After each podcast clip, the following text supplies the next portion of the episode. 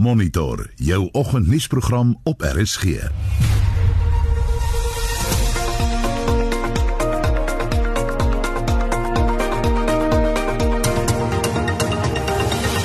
In volgens se program Deadbusters sê mense skuld nog selfs meer geld as voor die Grendeltydperk. 71% van mense wat 'n inkomste van R5000 of minder per maand verdien, met 'n gemiddeld minder as R1450 per maand oor om vir kos, vervoer, krag en ander uitgawes te betaal omdat hulle hulle skuld moet delg.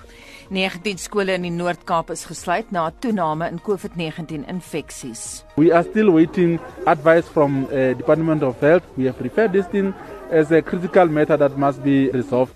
Ons praat met Brainline oor hoe tuisonderrig werk. En COVID-19 infeksies styg vinnig in die Oos-Kaap. Goeiemôre, ek is Anita Visser. En my naam is Gustaf Vreiling. Welkom by Monitor. Dis nou 13 minute oor 6 jy luister na Monitor op RSG en hier is 'n oorsig van die koerant voorblaai op Dinsdag 9 Junie. Die burger vandag COVID-19 onnies se poste ingedrang, vakbonde bekommerd oor beheerliggaam aanstellings. Die koronaviruspandemie eis sy tol op skole se begrotings.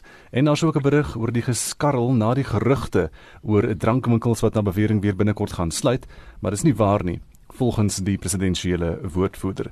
Beeld vandag rioolgas eis 4 mans in Mangat. Eise kom 2 teen raad wat klagtes ignoreer. En dis wat op Koster in Noordwes gebeur het en die munisipaliteit word nou in die gesig gestaar deur siviele eise oor die rioolgas in die Mangat. En die Rodepoort Witkruis Arende se kuikentjie is uiteindelik weer in die nes gewaar.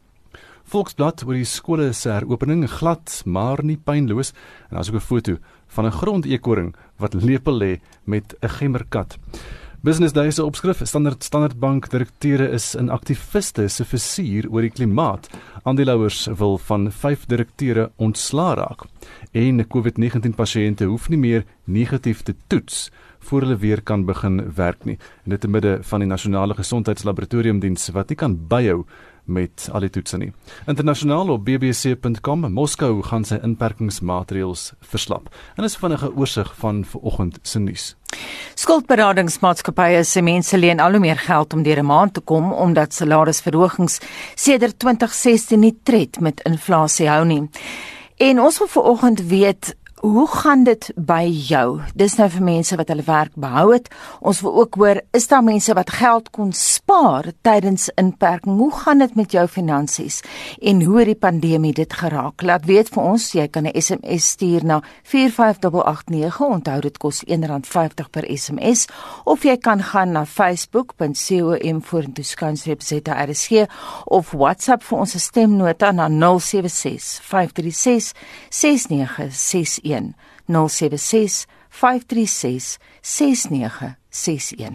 Kwart oor 6 in die Wes-Kaapse minister van onderwys, Debbie Schiefer, sê 13 skole in die provinsie wat vir jaar graad 7 en 12 leerdlinge geregistreer het, was gister nog gesluit. Volgens haar probeer die departement hard om die kwessies by die skole te hanteer wat veroorsaak het dat hulle nie kon heropen nie. Kobben August doen verslag.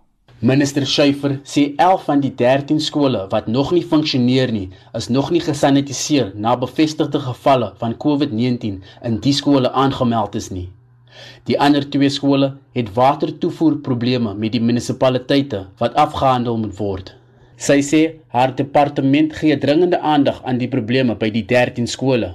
Leerlinge met onderliggende siektes sal toegelaat word om hulle skoolwerk tuis te doen indien ouers bereid is om oorsig te doen. We are working with each of these individual schools to ensure that they are able to reopen for learners safely in the course of the week. Parents of learners with comorbidities have been given the option of a concession if they agree to oversee their child's learning at home for the next while until the pandemic recedes. Volgens Schuyfer is skole toegelaat om self planne te ontwikkel met die riglyne en veiligheidsvereistes van die regering vir die COVID-19 pandemie. 98% van die skole in die Weskaap het op die 1 Junie begin werk. Schuyfer sê elke skool het sy eie uitdagings om te oorkom voordat dit weer open. There is also something to be said for an approach which recognizes that each of our schools is unique We have given our schools the space to develop a plan in line with our guidelines and safety requirements, of course, that best suits their specific school circumstances, their community context, their resources, and their ideas. Die hoof van die Weskaapse Departement van Onderwys, Brian Schreder, sê harde werk en leierskap deur skoolhoofde en onderwysers is die rede dat skole verlede week in die Weskaap kon begin. Dan meen hy dat die aflewering van persoonlike beskermende toerusting by skole in fases ook daartoe bygedra het dat die skooltermyn weer hervat kon word. Een van die groot dinge waarmee baie provinsies gesukkel het, was om te sorg dat ons betyds skoonmaakmiddels of sogenaamde PPE's afgelewer gekry het by skole. In die Weskaap het ons dit in 3 groepe verdeel. Die eerste groep wat ons afgelewer het was om te sorg dat reinigingsmiddels en skoonmaakmiddels by skole was, as ook maskers vir die personeel. 'n Tweede groep was maskers vir alle leerders wat moet terugkom en ons is tans besig met 'n derde besending aflewering wat die grootste gedeelte van reinigers en skoonmaakmiddels betref. Skole in die Weskaap het vir graad 7 en 12s op Maandag die 1 Junie heropen, soos aanvanklik deur die minister van basiese onderwys aangekondig is. Minister Angie Motshega het daarna die besluit herroep en die datum aangeskuif na die 8de Junie en ander provinsies het dit gevolg waar die meeste skole gister heropen is. Ek is Kob in August in Kaapstad. Drie skole vir leerders met spesiale behoeftes het gister in die Noord-Kaap heropen nadat die provinsiale onderwysdepartement die nodige veiligheidsmaatreëls getref het.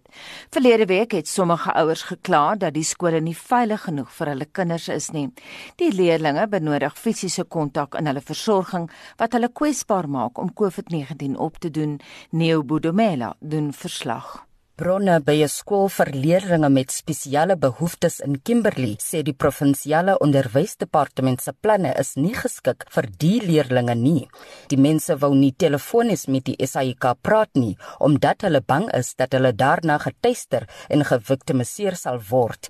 Volgens hulle benodig blinde leerders gidse wat sosiale afstand tussen die gids en blinde onmoontlik maak. Kommunikasie tussen dowe kinders onder mekaar en met hulle onderwysers kan nie plaasvind as hulle gesigmaskers dra nie, want hulle praat met hulle gesigsuitdrukkings wat totaal weggesteek is onder maskers. Maar ten spyte van die probleme, het ouers hul kinders gister skool toe geneem en sê dat hulle glo die skoolterrein is veilig. The child wants to come to school and the child says she don't want to repeat the standard and she's bored at home. I'm 100% sure that the school is clean and she won't get the virus. I want my child to come here and learn and for him to finish school. I have faith that my child will be protected at the school. Die onderwysdepartement sê bykomende veiligheidsmateriaals is ingestel vir leerders met spesiale behoeftes. Intussen bly 19 skole in die Pixlikasembe distrik gesluit na 'n toename in COVID-19 infeksies. Die departement se woordvoerder, Lihumantwani, sê die departement sal voldoende met skole raadpleeg voordat dit heropen sal word. We are still waiting advice from uh, Department of Health. We have referred this thing as a critical matter that must be resolved in no time. But we will be advising the public as to what is our way forward on that. Leerlinge sal eers ingelig word oor die COVID-19 reëls voordat onderrig begin. Ek is Neo Budumela in Kimberley. Dis nou 20 minute oor 6 is ingeskakel hier by Monitor op RSG en die sakeverslag word nou aangebied deur Johan Botchits van PSG Wealth Pretoria. Oos goeiemôre Johan. Môre Gustaf. Amerikaanse mark het gisteraan vir die 6de agtereenvolgende sessie positief gesluit, soos wat meer um, state en stede insluit in New York beperkings begin verslap het en einde die ekonomie weer aan die gang te probeer kry. Nou dit was veral aandele van oliemaatskappye en lugrederye wat lekker sterk was. Met die onlangse sterk loop in markte, laat die vraag ontstaan of daar steeds genoeg momentum en rede is vir markte om te bly styg. Ontleeders is veral bekommerd oor ontwikkelende lande waar die COVID-19 infeksiekoerse steeds baie kan styg en die impak daarvan op die ekonomie onseker is. Die Wêreldbank het ook gister in 'n verslag voorspel dat um, die wêreldekonomie die jaar met ongeveer 5,2% gaan krimp. Nou dit is die grootste daling sedert die Tweede Wêreldoorlog. Die Wêreldbank um, se verwagting vir die ekonomiese inkrimping vir Suid-Afrika is ongeveer 7,1%. Die gevolg van die wêreldwye ekonomiese inkrimping het ook nou vir baie werknemers van oliemaatskappye realiteit geword met bykans alle maatskappye in die sektor wat personeel gaan verminder. BP plc het gister aangekondig dat die maatskappy 10000 poste gaan sny. Nou dit is ongeveer 14% van die maatskappy se totale werknemers. Royal Dutch Shell PLC is ook in die proses om vrywillige pakkette aan werknemers aan te bied en Chevron verminder ook personeel. As ons dan meer spesifiek na die markte kyk, die JSE het gister in die rooi gesluit. Die algehele indeks was 0,1% laer en het op 54684 punte gesluit. Die top 40 indeks was ook so 0,2% laer. Goudaandele was gister sterk geweest en die indeks het 3,2% hoër gesluit. Van die uitblinkers van die dag was Sasol wat 14,7% hoër was, Sappi 11,6% hoër en Imperial 5,8% hoër. Europese markte was ook swakker. Die FTSE 100 het 0,1% laer gesluit op 6472 punte. In Frankryk was die CAC 40 0,4% laer en die Duitse DAX het ook so 0,2% laer gesluit. Aandele wat hierdie oog gevang het was um, Rolls-Royce wat 11,9% hoër was en ook die Lloyds um, Banking Groep wat 3,8% hoër was. In Amerika gisterand het Dow Jones uh, 1,7% hoër gesluit op 27572 punte. Die S&P 500 was 1,2 1,1% hoër. Aandele wat sterker gesluit het was Boeing wat 12,2% hoër was, American Express 3,6% hoër en dan ook ExxonMobil 3,1% hoër. Volgens in die ooste in Tokyo is die Nikkei 0,6% laer op 23030 punte. In Hong Kong is die Hang Seng so 1,1% hoër en markte in Australië is ook volgens lekker sterk, is 2,3% hoër na gister se vakansiedag daar. Op die kommoditeitsmarkte verhandel goud teen 1695 dollar per fyn ons, platinum teen 862 dollar of so 0,2% laer en olie kos 40 dollar en 97 sent per vatjie. Op die valutamarkte, die rand verhandel teen R16.73 vir 1 Amerikaanse dollar, R21.28 teenoor die Britse pond en R18.94 teenoor die euro. Dis al van my kant af. Ek wens die luisteraars 'n wonderlike dag toe. En dit was dan die sakeverslag aangebied deur Johan Botchards van PSG Wealth Pretoria Oos. Na wie draai jy in tye van onstuimige markte? Tesame met 'n wêreldpandemie as jou betroubare finansiële raadgewer. Die spanadviseurs by PSG Wealth Pretoria Oos het die nodige kennis en ervaring om jou te adviseer rakende persoonlike aandeleportefeuilles, aftreebeplanning en beleggings. Besoek psg.co.za vorentoe streepie Pretoria Oos vir meer inligting en kontakbesonderhede. PSG Wealth Finansiële Beplanning is 'n goedgekeurde finansiële diensverskaffer. Monitor jou oggendnuusprogram op RSG.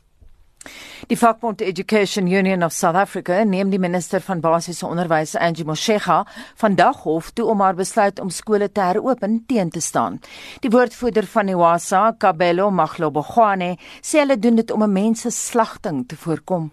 We still maintain that schools should not reopen especially at this stage where the virus seems to be stronger than before. We are seeing cases of about 3,000 new infections daily of the COVID-19 we are seeing because of the unveiling of alcohol, hospitals are already overwhelmed with the few numbers that they are seeing. Actually, nurses themselves are stressed and panicking because government cannot provide them.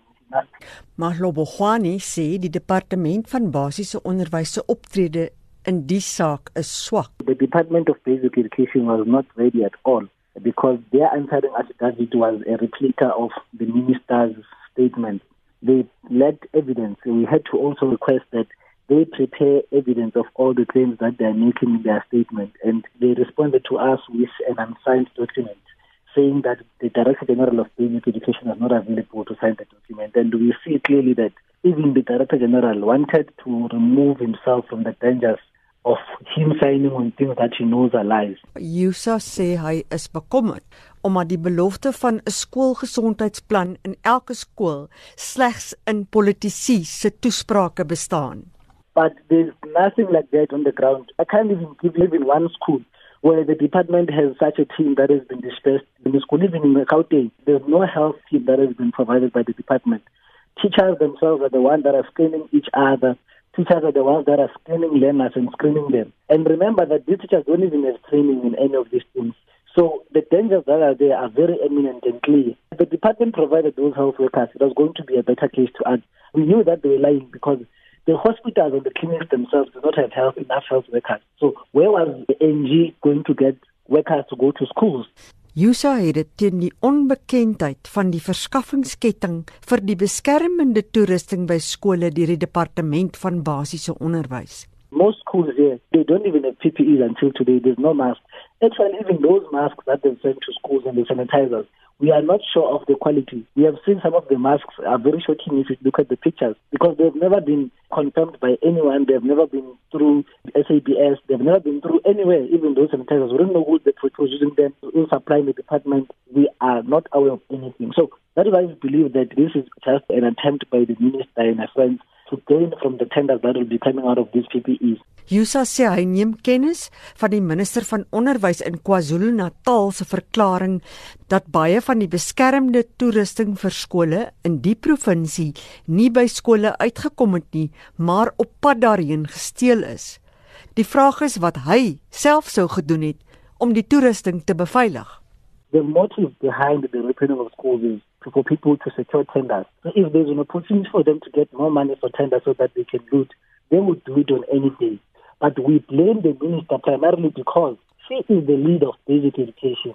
And if you are a parent and in your house you find that children are smoking drugs, there's no order. We can't go and blame the young ones because they are under the leadership of someone.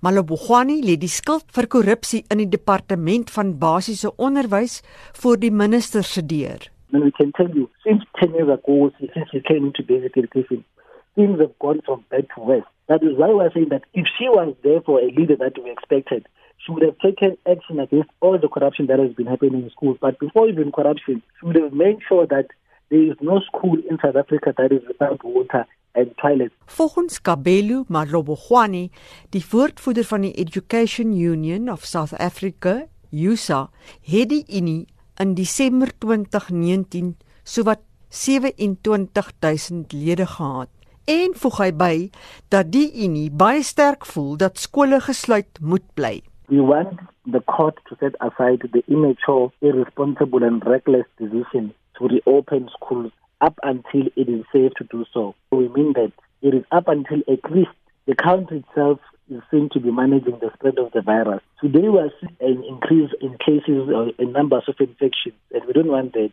Or maybe miraculously we find a cure for the virus because our primary basis is that in the constitution of our country, the right to life is more important than any other right. Mitsi van der Merwe, SAK-nuus. Jy luister na Monitor elke weekoggend tussen 6 en 8. 6:30 aan die hoofnuus die tabakvereniging Vita se aansoek om die regering se verbod op die verkoop van tabakprodukte nietig te verklaar sal vandag aan die Hooggeregshof in Pretoria aangehoor word. Skole vir leerders met spesiale behoeftes heropen in die Noord-Kaap. Weskaapse skole ontwikkel hulle eie veiligheidsplanne in ooreenstemming met COVID-19 riglyne en vereistes. En die burgemeester van Rusland se hoofstad Moskou het die verpligte selfafsonderingstydperk van 2 maande teen die verspreiding van die COVID-19 pandemie opgehef. Bly ingeskakel. Het jou skuld toegeneem tydens inperking? Dis een van die vrae wat ons vanoggend aan jou stel. Hoe lyk ons luisteraars se finansies, Vincent? En net af van ons luisteraars kon dit regkry om so 'n bietjie te spaar, maar as wat jy kan hoor met die volgende stemnota gaan dit maar 'n bietjie swaar en selfs met die mense wat ook steeds nog steeds hulle werk het. Seën van die bevoorregte mense wat tog my werk het. Ek sien die middelklas afgelope 4 jaar nie verhoging gekry of bonusse gekry nie. Afgelope 2 maande net 60% van my salaris. Alles moet tog betaal word en jy moet tog lewe. Dis genuine moeilik.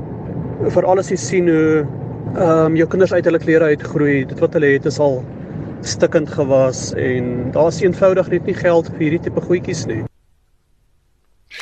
Net op Besverhare sê op ons Facebook bladsy, ons is afgetree en ons moet ons sente omdraai Terwyl die sleuteltyd het ons spaargeld mooi gegroei omdat ons nie brandstof gebruik het nie, nie uitgeëet het nie of onnodige uh, onnodighede in winkels gekoop het nie, sê Bets. Dan sê Elaine Corrie, ons het ekstra geld gehad omdat ons um, net kos gekoop het, maar kon dit nie spaar as gevolg van die pryse van sigarette nie. En dan sê Nicoline Smalman, ek het reg deur die inperking vanaf die huis gewerk en my volle salaris ontvang.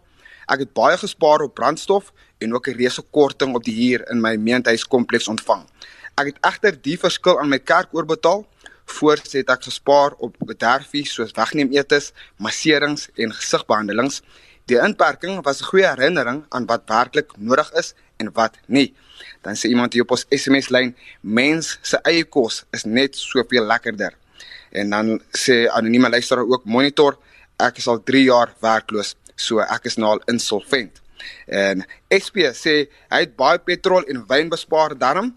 En dan het ons 'n uh, boodskap van Samuel Walters van Volvlei af wat sê, um, ek het baie geld gespaar in die Grendel tydperk met geen bier wat te koop was, maar drink matig en inperking het ek geniet sodat ek matig gedrink het sê Samuel Walters.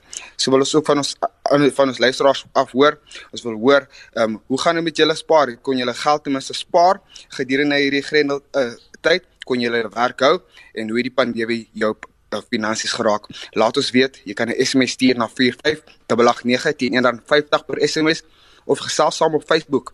Jy kry ons Monitor Spectrum blad daar by facebook.com vorentoe skynstreep ZARSG of stuur gerus jou, jou WhatsApp stemnota na 076 536 6961. Dis nou 25 minute voor 7 en Shaun Jooste het die jongste sportnuus. Ons begin met golfnuus. Onthou gerus dat die PGA Tour hierdie week in Texas by die Charles Schwab uitnodigingstoernooi hervat word. Die toer is sedert Maart weens die koronaviruspandemie opgeskort en sal vereers sonder toeskouers plaasvind. Die wêreldgolfranglys kan ook weer begin verander. Die wêreld se top 3 manspelers is Rory McIlroy van Noord-Ierland, die Spanjaard Jon Rahm en die Amerikaner Brooks Koepka. Suid-Afrika se top 3 spelers is Louis Oosthuizen, Erik van Rooyen en Christian Besaidnout wat 19de, 42ste en 47ste onderskeidelik is. Sokker. Na die naweek se Duitse Bundesliga wedstryde staan Bayern München nou op 70 punte, Borussia Dortmund op 63 en RB Leipzig op 59 punte. Daar bly nog 4 wedstryde oor. Die Spaanse La Liga word ook weer van donderdag af hervat. 27 rondes is reeds voltooi wat 11 oorlos. Barcelona is die voorlopers op 58 punte, Real Madrid het 56 en Sevilla 47. Die seisoen word met die derby tussen Sevilla en Real Betis voortgesit. Die Engelse Premier Liga word op 17 Junie en die Italiaanse Serie A seisoen op 20 Junie hervat. Rugby. Ons herinner ook graag dat Nieu-Seeland se plaaslike Super Rugby kompetisie die Aotearoa Saterdag afskop. Die toernooi sal oor 10 weke gespeel word met tuis- en wegwedstryde vir die vyf franchises: die Blues, Chiefs, Crusaders, Highlanders en Hurricanes. Toeskouers sal ook elke wedstryd kan bywoon nou dat Nieu-Seeland se plaaslike beperkings opgeskort is. Toe die Super Rugby-reeks in Maart weens die koronavirus opgeskort was, was die Sharks op 24 punte en die Brumbies en Crusaders op 23 punte elk die top 3. Australië se plaaslike kompetisie begin in Julie terwyl daar nog geen datum op die horison vir die Suid-Afrikaanse spanne is nie. En laastens, die Wallaby veelsidige agterlynspeler Kurtley Beale beoog om die 2023 Wêreldbeker toernooi in Frankryk te haal en sy gaan als in sy vermoë doen om dit reg te kry. Die 31-jarige Beale het reeds 3 Wêreldbeker toernooie agter die rug en sal slegs die derde Australier word om in 'n vierde een te speel. Die ander twee spelers was George Gregan en Adam Ashley Cooper. Shaun Schuster, SAK Sport. En terug na die onderwysstelsel, skole in die Gamtoosvallei in die Oos-Kaap het heropen sonder ernstige probleme. Die gebied is bekend vir sy uitvoer sitrusvrugte. Die meeste graad 7 en 12 leerders het opgedaag na 9 weke van inperking en geen fisiese onderrig nie. Beskerming toerusting is betyds voorsien by die skole. Veronica Fourie het gaan kyk. Die graad 12 leerders van die Potensie Landbou Hoërskool het nie 'n 100% teenwoordigheid van leerders gehad nie. Slegs 29 van die 42 leerders het opgedaag glo weens vervoerprobleme. Gedurende die inperkingstyd het die skool dit moeilik gevind om met leerders te kommunikeer weens beperkte digitale toegang. Die hoof, CJ Maidley, sê die graad 12 leerders het wel 'n WhatsApp-groep gehad waar selfstudiemateriaal voorsien is. Onderrig het nie plaasgevind vandag nie. Ons het die dag bestee aan oriëntering en die oriënteringssessies was suksesvol. Ons verwagtinge is dat môre sal daar meer leerders opdaag by die skool. By die laerskool Gamtoosvallei sê skoolhoof Christel McCabe, die Grendelstaat het onderwysers gedwing om kreatief te dink. Ons het begin met die kinders met huiswerk via WhatsApp en ehm um, e-posse, maar dit het ons ook agtergekom nie vinnig genoeg gewerk nie want ouers het nie almal die fasiliteite nie.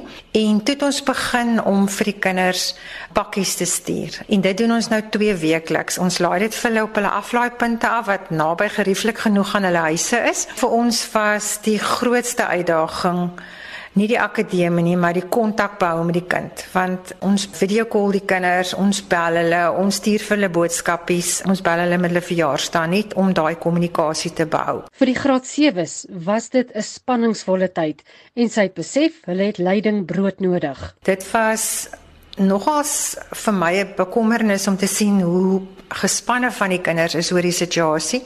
Ons het 'n plaaslike dokter gekry om met hulle te gesels en vir hulle te verduidelik presies hoe die virus werk en vir hulle gerus te stel. En dan het ons ook met hulle gesels oor stigmatisering dat as 'n maatjie nou hoes in die klas, hoe hulle dit moet hanteer. Ons het vir hulle ook emosioneel toegerus deur 'n beraader te kry om met hulle te gesels oor al hulle vrese. Ons het so geleidelik geleidelik begin ook om hulle by te staan met hulle akademie. Graad 7 onderwyser Shaun Barnard sê om geen interaksie met sy leerders te hê nie, was vir hom baie erg. As onderwyser is jy so geneig om 'n uh, eh, om rotine te hê. En uh, dit is die eerste groot ontwrigting wat jy wat mens dadelik eers agterkom. Jy raak so gewoond aan daai stemmetjies, daai glimlaggies, elke keer as jy iets verstaan, daai oogies wat so ophelder. En uh later dan begin jy die goedjies jy, jy verlang daarna en dan wonder jy weet is die kinders okay? Ons as skool het nou probeer om om bietjie werkies vir die kinders te stuur en so aan, maar jy het altyd daai gevoel in jou agterkop, jy weet jy verstaan die kind dit is hulle okay by die huis, jy weet wat kan jy nog doen om hulle te help en so aan. En dan die tweede sal wees om nie te weet of jou kind die in jou klas, die stil enetjie in die klas, die een wat baie praat, die die, uh, die enetjie wat baie rondloop, jy weet, of hulle hulle self is is hulle okay by die huisie. So ek sal sê dis die grootste dinge wat jy wat ek as onderwyser self die eerste keer beleef het. En nou moet jy terugkom skool toe. Hoe het jy dit beleef? Ek sal sê opgewonde maar versigtig. Ons is 'n klein skooltjie. Ons hou van kontak jy gee 'n high five hierso, jy jy, jy slaan 'n facey daarso en en die kleintjies altyd vir jou kom drukkies gee en so aan. So dis die eerste moeilike ding is om nie daai daai reassurance te gee vir daai kinders nie, jy weet. Probeer nou maar vir die kinders ook maar gerusstelling te gee om doen dingetjies te doen, jy weet, by die elmboog te groet en maar om vir hulle 'n veilige omgewing te skep, nie net emosioneel nie, maar ook fisies is dit dit is wat die wat die moeite werd maak om hulle in jou klas te hê. Ek ek het hoop, ek het ek is positief en dit is lekker om weer aan die gang te wees. Leerlinge soos Isabella Miller, Aya Blou en Nicolas Moore het gemengde gevoelens oor die digitale onderrig was nogals eintlik lekker by die huis. Ek kan in my pyjamas skool hou en op koue dae kan ek vir die vuur sit en ek kan eet wanneer ek wil. En tannie, ek is baie bly om by die skool nou te wees want ek is so bly om my vriende te sien. Ehm um, ons het ons huiswerk by die huis gedoen, maar by die skool voel dit nogals lekker om van die onderwysers weer te sien in die klaskamer te wees. Ek dink ons gaan die hele jaar kan inhaal en almal gaan volgende jaar weer in 'n nuwe graad kan wees. En hoe voel dit vir jou om met 'n masker in die klas te sit? Ja, dis warm. Maar ek probeer myself maar inhou en gemaklik te wees as wat ek kan en en probeer ek maar net aanhou. Dit was baie stresvol dan en ek het my vriende gemis by die skool dan en online werk was 'n bietjie 'n bietjie swaar. Hoe voel dit vir jou om nou weer terug te wees by die skool? Dit is baie lekker net dan nie alles het 'n groot aanpassing. Dit is lekker om jou vriende weer te kry en weer saam met meneer te wees en so. Dit was nogal lekker by die huis vir die eerste paar weke met die huiswerk en so aan. Maar toe begin mense skrapperig raak of jy wil maar weer uitkom na jou maats toe en weer skool toe kom en net weer die normale goed doen. Ek voel veilig hier want almal kom soos die reëls na en almal het maskers word gesanitiseer. McCabe sê ouers sal voortaan een van drie keuses kan uitoefen. Die kinders kan skool toe gaan of voortgaan met digitale onderrig met die hulp van onderwysers of hulle kan registreer vir tuisonderrig. Veronica Fourie op Potensie in die Gamtoosvallei. Dis nou 17 minute voor 7 is ingeskakel by Monitor op RSG en ons keer terug na een van ons hoofberigte. Die minister van basiese onderwys, Angie Motshekga, het aanvanklik aangekondig dat graad 7 en 12 leerders op 1 Junie sou terugkeer na skole. Daarna is besluit om dit met nog 'n week uit te stel. Die minister het Sondag gesê 97,6% van openbare skole is gereed om te heropen, terwyl nie alle skole in KwaZulu-Natal, Limpopo, die Oos-Kaap en Mpumalanga gereed is nie. Ons praat nou met die adjunk uitvoerende hoof van FETSAS, Jaco Deeken. Jaco, goeiemôre. Goeiemôre Gustaf. Wat is die verslag wat julle ontvang van julle skole? Hoe die opening gister verloop? Gustaf, dit het baie goed verloop. Uh, meeste skole, meeste van ons lede skole het sonder voorval oopgemaak soos verwag was daar 'n paar leerders wat nou nie opgedaag het nie. Ek dink dit is maar ouers wat nog 'n bietjie kat uit die boom uit kyk of in sommige gevalle waar reëlings nie skool getref is waar daar onderliggende siekte toestande was. En die probleme wat ervaar is was meer oor openbare vervoer wat leerders nie betyds by skool gekom het nie of al die roetes nog nie geloop het nie. En dan die interessante winterprobleem wat opgeduik het is dat van die skandeerders maar bietjie gesukkel het om in die koue winteroggende die temperatuur van die leerders te meet Hier self waar ek by die skool in Bloemfontein is, is daar so drie skandeerders by elke punt en dan sit so in die sakke warm gehou en dan net gebruik om te skandeer. So dit is tipiese uitdagings wat die eerste dag ervaar is. Aan watter vereistes moet 'n skool dan nou voldoen om gereed verklaar te kan word? Gustav, die belangrikste was dat daar lopende water is dat leerders gereeld kan hande was om daarmee te begin. So jy kan nie 'n leerder ontvang as daar nie lopende water is nie. En dan natuurlik die die saniteerders dat die leerders kan hande was en die maskers op het en die skool behoorlik skoon gemaak is en jou personeel dan al die veiligheidsmaatreëls het om hulle self te beskerm in die proses.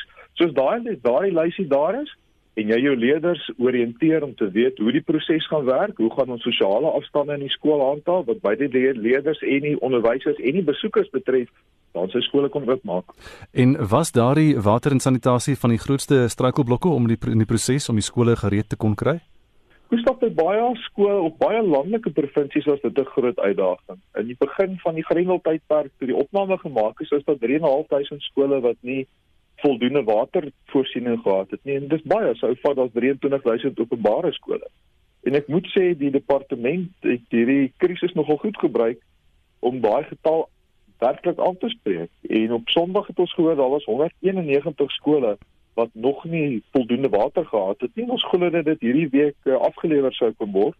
In baie van die gevalle is dit tydelike maatreëls, maar ten minste is daar is word hierdie probleem nou aangespreek. En as 'n ou nou iets positief moet kan sê van die COVID krisis, is dat die gebreke in die stelsel baie duidelik uitgewys het dat ons nou die waterprobleem, die infrastruktuurprobleme kan aanspreek en daai skole wat nie oopgemaak het nie, uh, kan nou gelys word en nou kan die departement en amptenare spesifiek aandag begin gee aan die infrastruktuur, personeelprobleme of die ander probleme wat die skool nou ervaar.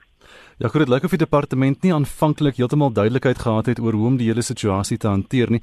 Wat het gebeur agter die skerms? Ons lees nou gister ook dat uh, die Menseregte Kommissie en, en ander rolspelers is toe nou beïndruk met met die departement se werk. Nou, Gustav, daar was maar 'n paar moeilike vergaderings vir harde woorde geval het dink die minister self ontnigter deur die verslae wat sy die provinsies van haar eie amptenare gekry het net om te hoor van beheerliggaamorganisasies en vakbonde dat hierdie verslae eenvoudig nie waar is nie. Nou dis dit is nie 'n COVID probleem nie. Ons het al baie jare gekla dat die amptenare nie die regte inligting deurgee vir die besluitnemers nie. En dit is nou ontbloot in hierdie proses en dit is dalk nie maar goed. So die minister se onafhanklike evalueringsspan het bevestig wat beheerliggame en vakbonde oor 'n lang tydperk vir gesê het dat die inligting waarop hulle werk nie akkuraat is nie. En ten minste dit dan op die tafel gekom in die oomblik wat jy met werklike data en syfers begin werk, kan jy die probleem begin aanspreek. Hm. As jou amptenare heeldag vir jou sê ons is gereed en ons kan oopmaak en alles is reg, dan dink die minister alles is reg. Maar nou weet sy sy moet maar twee keer kyk. Wat is jou kennis oor die heropening van van kleuterskole? Weet daar's die wat by die departement van maatskaplike ontwikkeling geregistreer is en dan is daar ook die die private klein sake ondernemings. Ja, Gustav, dis nog 'n groot frustrasie vir baie ouers en vir die skole. Want man die sosiale regulasies nou lees. Dan hierdie VKO sentrum, die vroeë kinderontwikkelingsentrum hmm. of die kleuterskool oopmaak, mits dit 'n skool is. Nou die definisie van 'n skool sê Dit is 'n plek waar onderrig plaasvind vanaf graad R of die aanvangsonderrigfase tot en met graad 12. So as hierdie skooltjie graad R aanbied, dan kan daardie skooltjie oopmaak en ook die die laer ouderdomsgroepies mag ook oopmaak. So daai skooltjies met ander woorde by departement van basiese onderwys geregistreer. Die hulle mag dan nou van 6 Julie af kan hierdie skooltjies oopmaak mits hulle voldoen aan al die veiligheidsstandaarde. Die skooltjies wat totaal onafhanklik is, wat nie 'n graad R het nie, nie in 'n skool gekoppel is nie, net in maatskaplike ontwikkeling geregistreer is, hulle is nog in die duister. Daar's nog geen datum gepubliseer nie En dis 'n groot frustrasie vir baie werkende ouers en ek weet daar's 'n by die stadium hof aansoek wat daaroor gaan kom om departement van maatskaplike ontwikkeling te verplig om dan nou stappe aan aan te kondig wanneer hierdie skooltjies kan oopmaak. Jakobai, dankie. Jaco Deeken is die adjunk uitvoerende hoof van die organisasie vir skoolbeheerliggame FETSAS. Baie ouers rig hulle tot tuisonderrig nadat die inperkingstyd hulle kinders se skoolbywoning tydelik gestaak het. Die minister van basiese onderwys, Angie Motshega, het daarop gewys dat ouers moet aansoek doen vir hierdie keuse. Die hoof van die tuisonderrig verskaffer Brainline, Colleen Cronje, gee vanoggend vir ons riglyne oor hoe die proses verloop. Goeiemôre Colleen. Môre Anita. Hoe moet ouers nou maak om te registreer?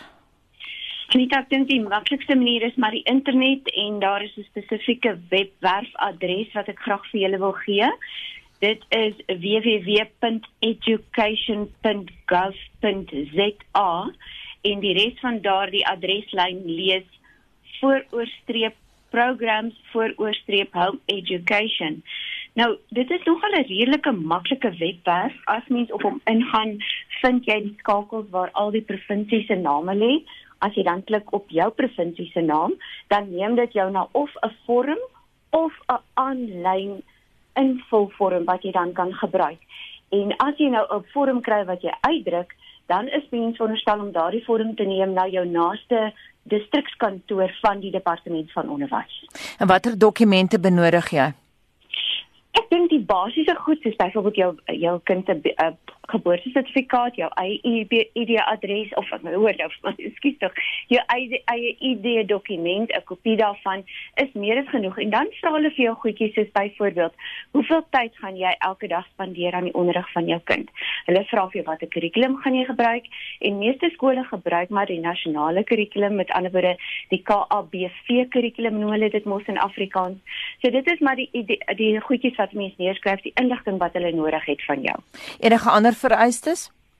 Daar's nie spesiale vereistes nie. Ek dink dit is net belangrik dat ouers weet dat dit is noodsaaklik dat jy registreer vir tuisonderrig indien jou kind van die skoolpligtige ouderdom is. Dit beteken ouderdom 7 jaar tot en met 15 jaar of graad 9. Indien jou kind met ander woorde graad 10 of 16 jaar en ouer is, is dit nie nodig om te registreer vir tuisonderrig nie. En hoe lank neem so 'n proses? Anita, dit is 'n moeilike vraag. Jy weet in die beleidsdokumente van die onderwysdepartement sê hulle dat hulle is dan binne veronderstel om 30 jaar, ag, oor as my 30 dae te reageer en vir jou te laat weet of jou registrasie dan aanvaar is al dan nie. Um of dit prakties gaan gebeur in hierdie tyd waar baie ouers dalk nou gaan aansoek doen vir registrasie vir tuisonderrig, weet ek nie of dit gaan realiseer nie. Ons vertrou dat dit vinnig gaan gebeur. Ehm um, dit is net 'n bietjie van 'n bekommernis dat skole daar buite nie vir ouers die korrekte inligting deurgee nie.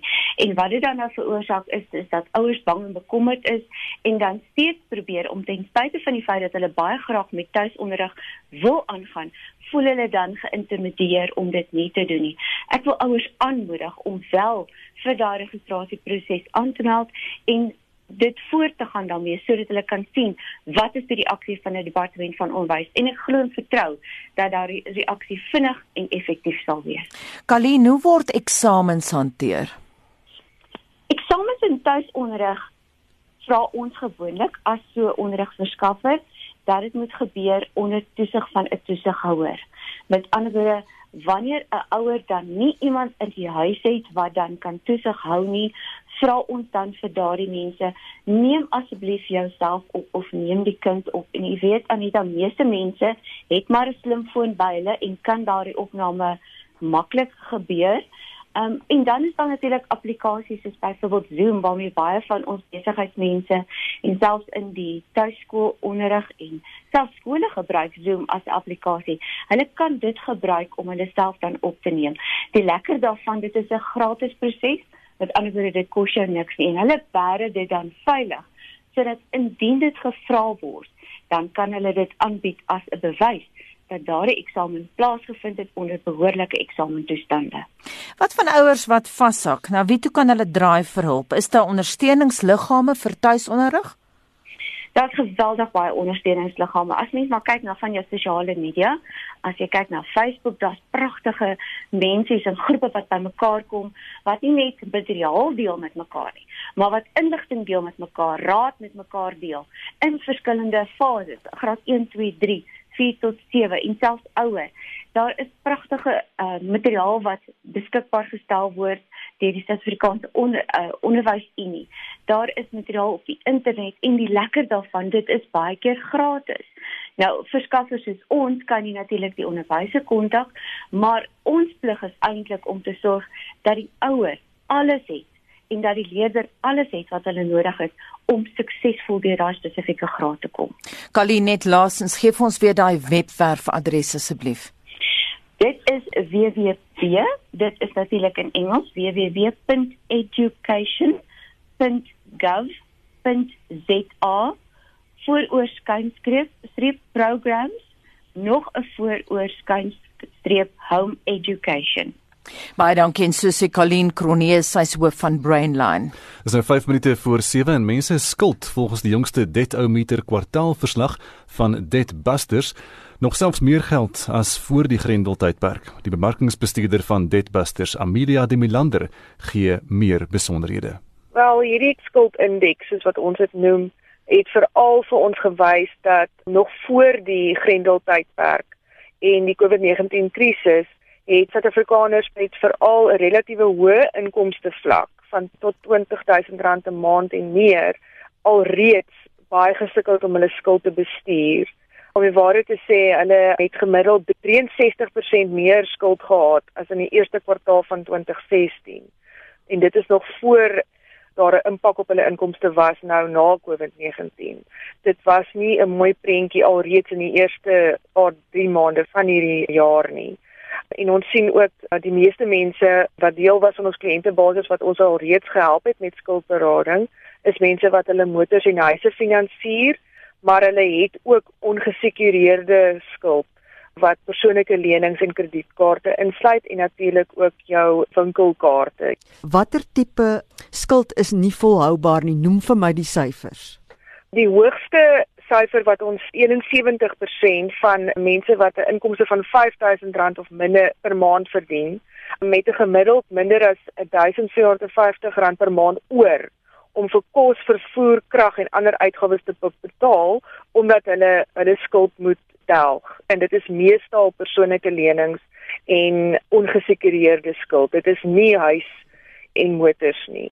Ons sien dit ook in die hoër inkomste groepe waar mense wat R20000 per maand verdien en meer tot 67% op van hul netto inkomste 'n maand om hul skuld af te betaal wat heeltemal te hoog is en nie volhoubaar is nie. En daarom is 'n oplossing so skuldberading dan iets waarna verbruikers hulle self wend en wat ons natuurlik hulle mee help. Dit klink vir my of hulle hierdie geld spandeer op luukse items. Nee, dit is nogals nie die geval nie en die meerderheid van ons kliënte by Debtbusters kan ons ook getuig dat dit is nie keeping up with the Joneses nie. Wat baie kommerwekkend is is dat die inkomste groei van Suid-Afrikaners nie goed lyk nie. Gemiddeld was ons almal se inkomste net 1% meer as in 2016, maar as jy die kumulatiewe inflasie in ag neem van 19% vir die 4 jaar, dan beteken dit mense se koopkrag is eintlik 18% minder as in 2016. So mense gebruik nou skuld om hulle inkomste aan te vul, want dit het nie bygebly nie dit is definitief nie mense wat 'n skoenverslawing het nie. Inteendeel, die lewe is ontsaglik duur en ons inkomste het net nie in reële waarde bygebly met inflasie nie. Dit beteken julle doen goeie besigheid. Ja, ons het tot 80% meer navraag gehad in die afgelope 3 maande, maar nie almal wat navraag doen na skuldberading besluit dan op te teken op die proses nie, want jy moet 'n konstante inkomste hê ongelukkig vir die proses om ook vir jou te werk. Maar baie mense het wel van betalingsvakansies nou gebruik gemaak soos vir al die banke vir hulle aangebied het. Maar ons verwag dat teen einde Junie wanneer hierdie ooreenkomste dan nou ook nie meer van krag is nie verwag ons tog dat verbruikers dan weer sal hulle skuldbestuur baie mooi moet kyk en dan oplossings soos skuldberading sal moet oorweeg.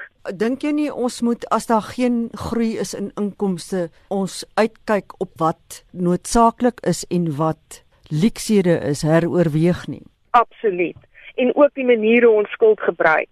En 'n baie goeie beginpunt is om jou kredietrekord te verstaan. En daar is heelwat verskaffers wat vir jou 'n gratis kredietrekord ook verskaf.